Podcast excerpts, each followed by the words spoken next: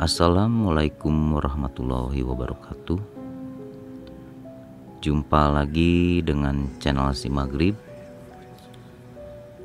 Dalam kesempatan kali ini Saya akan membacakan sebuah cerita horor Yang dikutip dari sebuah blog Liputan 6 Dengan penulis Edi Prayitno. Selamat bergabung, selamat mendengarkan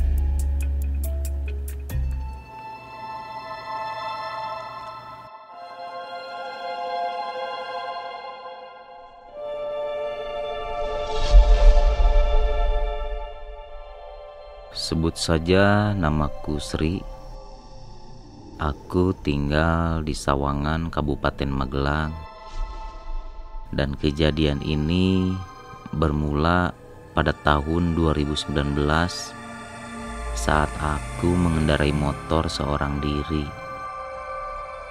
Saat itu hendak menemui Pak Deku yang ada di Magelang. Karena ada keperluan mendesak, Aku pun pergi jam 7 malam. Jarak dari Sawangan menuju Magelang lumayan cukup jauh. Akan memerlukan waktu satu jam lebih bila ditempuh menggunakan motor. Aku pun pergi setelah berpamitan kepada keluargaku. Dan saat itu jalan pun sudah terlihat sangat sepi maklum karena di kampung. Tak ada yang aneh ataupun ganjil di pikiranku saat itu. Semua berjalan dengan normal.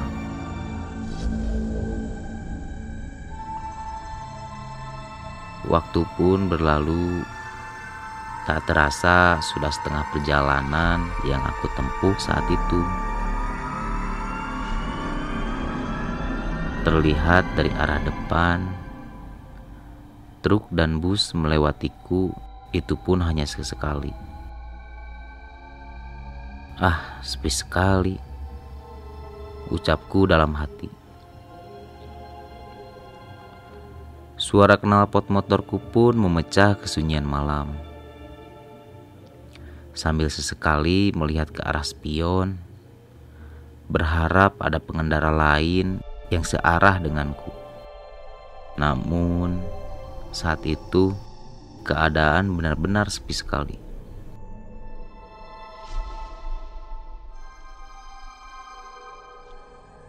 Selang waktu berlalu, dari kejauhan aku melihat banyak sekali kerumunan orang.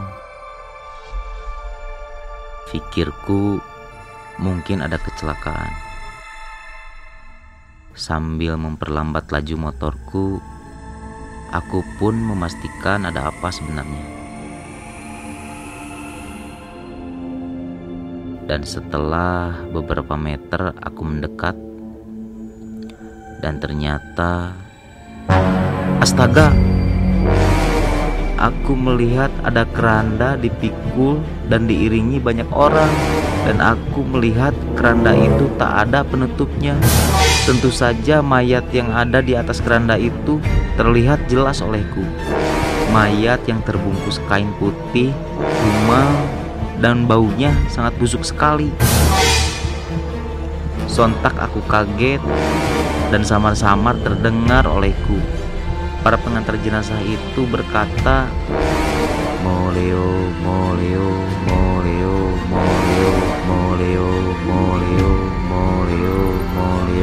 seperti sedang membacakan mantra. Aku pun ketakutan. Dalam hati aku bertanya, kenapa malam-malam begini ada orang membawa jenazah? Bulu kuduku berdiri seketika tanpa basa-basi aku langsung menancapkan gas untuk melanjutkan perjalananku dan tanpa pikir panjang aku pun ngebut sekencang-kencangnya Motorku pun terasa berat seperti seperti ada yang menaiki dari belakang. Namun aku lihat ke belakang tidak ada siapa-siapa. Aku hanya bisa berdoa sebisaku sambil mengendalikan motor yang sesekali goyang karena dalam keadaan melaju kencang. Tak lama dari kejadian itu, akhirnya aku pun tiba di Magelang. Setelah sampai di rumah padeku, aku beristirahat sejenak. Lalu aku pun menceritakan kejadian yang sudah aku alami tadi ke padeku. Padeku hanya tersenyum, seolah sudah tahu apa yang sudah aku lihat tadi.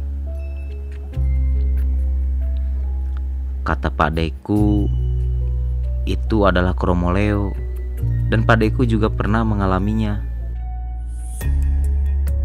Pak Deku bilang apa yang sudah aku lihat tadi adalah pertanda bahwa di daerah itu bakal ada yang meninggal.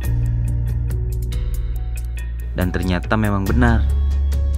Karena keesokan harinya setelah aku pulang dari tempat padeku Tepat di mana aku melihat iring-iringan itu, ada sebuah angkutan desa yang terperosok masuk jurang dengan korban meninggal sangat banyak.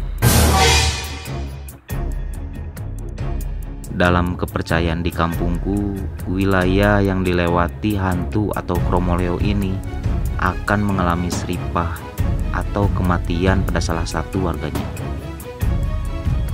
Dan katanya Siapa pun yang melihat iring-iringan itu, maka mereka diharuskan mengikutinya sampai akhir, supaya tidak ada kejadian warganya yang meninggal.